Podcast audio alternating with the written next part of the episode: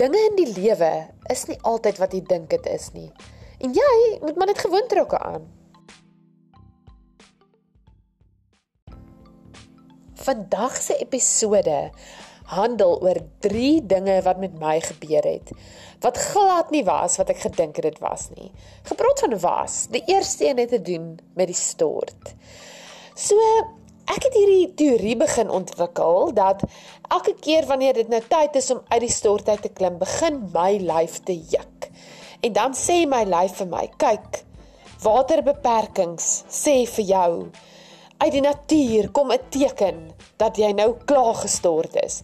So elke keer en en ek nog gedink dit werk nogal goed uit want elke keer as ek nou eintlik nogal klaar is met my hele skoonheidsroetine, is dit ook so dat my bene begin juk en ek het gedink wat 'n wonderlike meganisme wat die Kaap nou in my ingeplant het.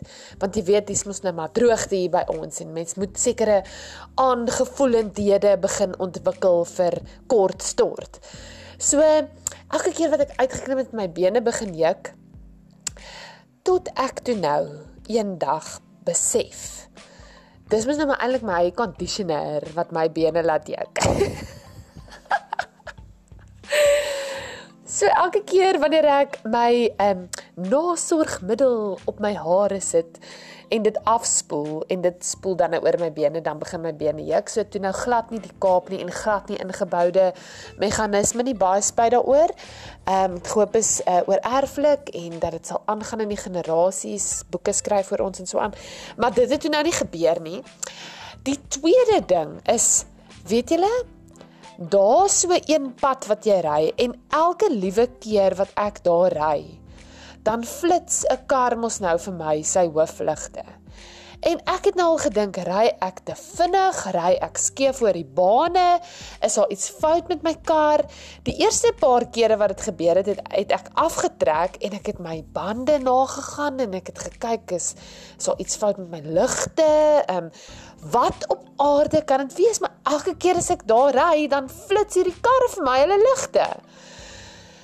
Ja, so so toe kom ek nou agter daar's ook nou eintlik mos nou 'n spoedhobbel daar en ehm uh, ja, so as hulle ligte nou aan is en hulle ry oor die hobbel dan lyk dit nou vir my of hulle nou vir my flits. so ehm um, baie slim gevoel.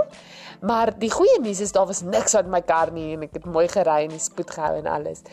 Ehm um, derde storie. Kyk, ek sou nou eintlik een wat glo in spooke nie. Ehm um, glad nie.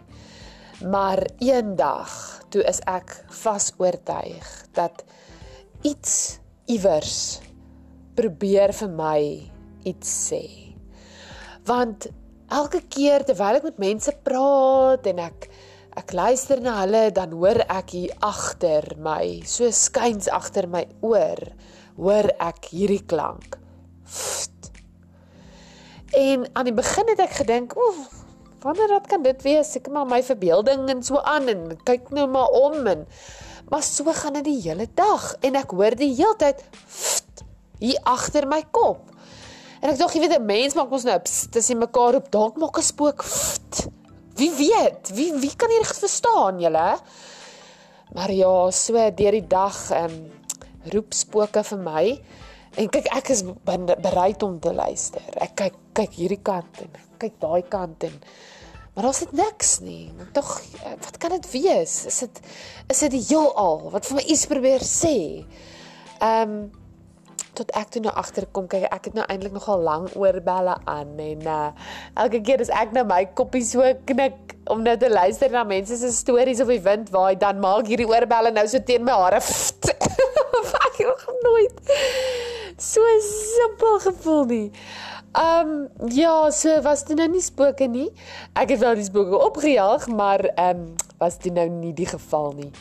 Ja, julle, so dinge in die lewe is nie altyd wat jy dink dit is nie.